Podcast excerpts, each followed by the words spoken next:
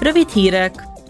A parlament a héten jóvá hagyta az Ukrajnának szóló 18 milliárd eurós támogatáscsomag módosított változatát, azt követően, hogy Magyarország megvétózta az eredeti javaslatot.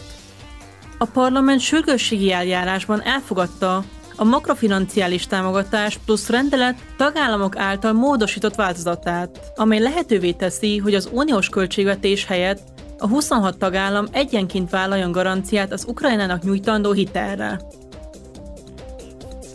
A plenáris ülésen a képviselők támogatták a megújuló energiaforrásokat hasznosító létesítmények gyorsított kiépítésére vonatkozó terveket, amelyek a megújuló energiát termelő erőművek engedélyeztetéséhez és a meglévő erőművek átalakításához szükséges eljárásokat gyorsítanák fel.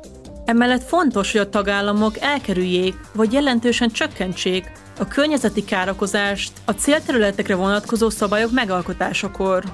A javaslat alapján például garantálniuk kell, hogy az épületekre tervezett napelemek felszerelésére vonatkozó engedélyeket egy hónapon belül kiállítják.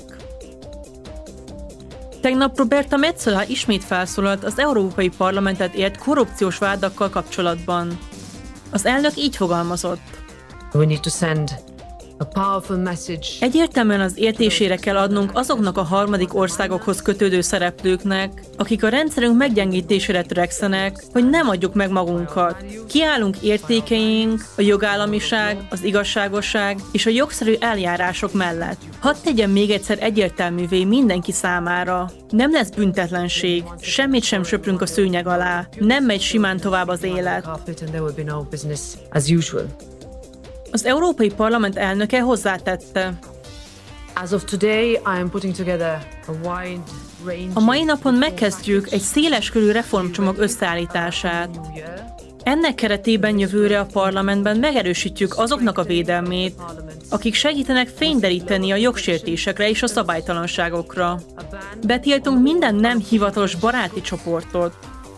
Ellenőrizzük a magatartási kódexünk szabályainak betartását, és alapos vizsgálatnak vetjük alá a harmadik országokkal fenntartott kapcsolatainkat.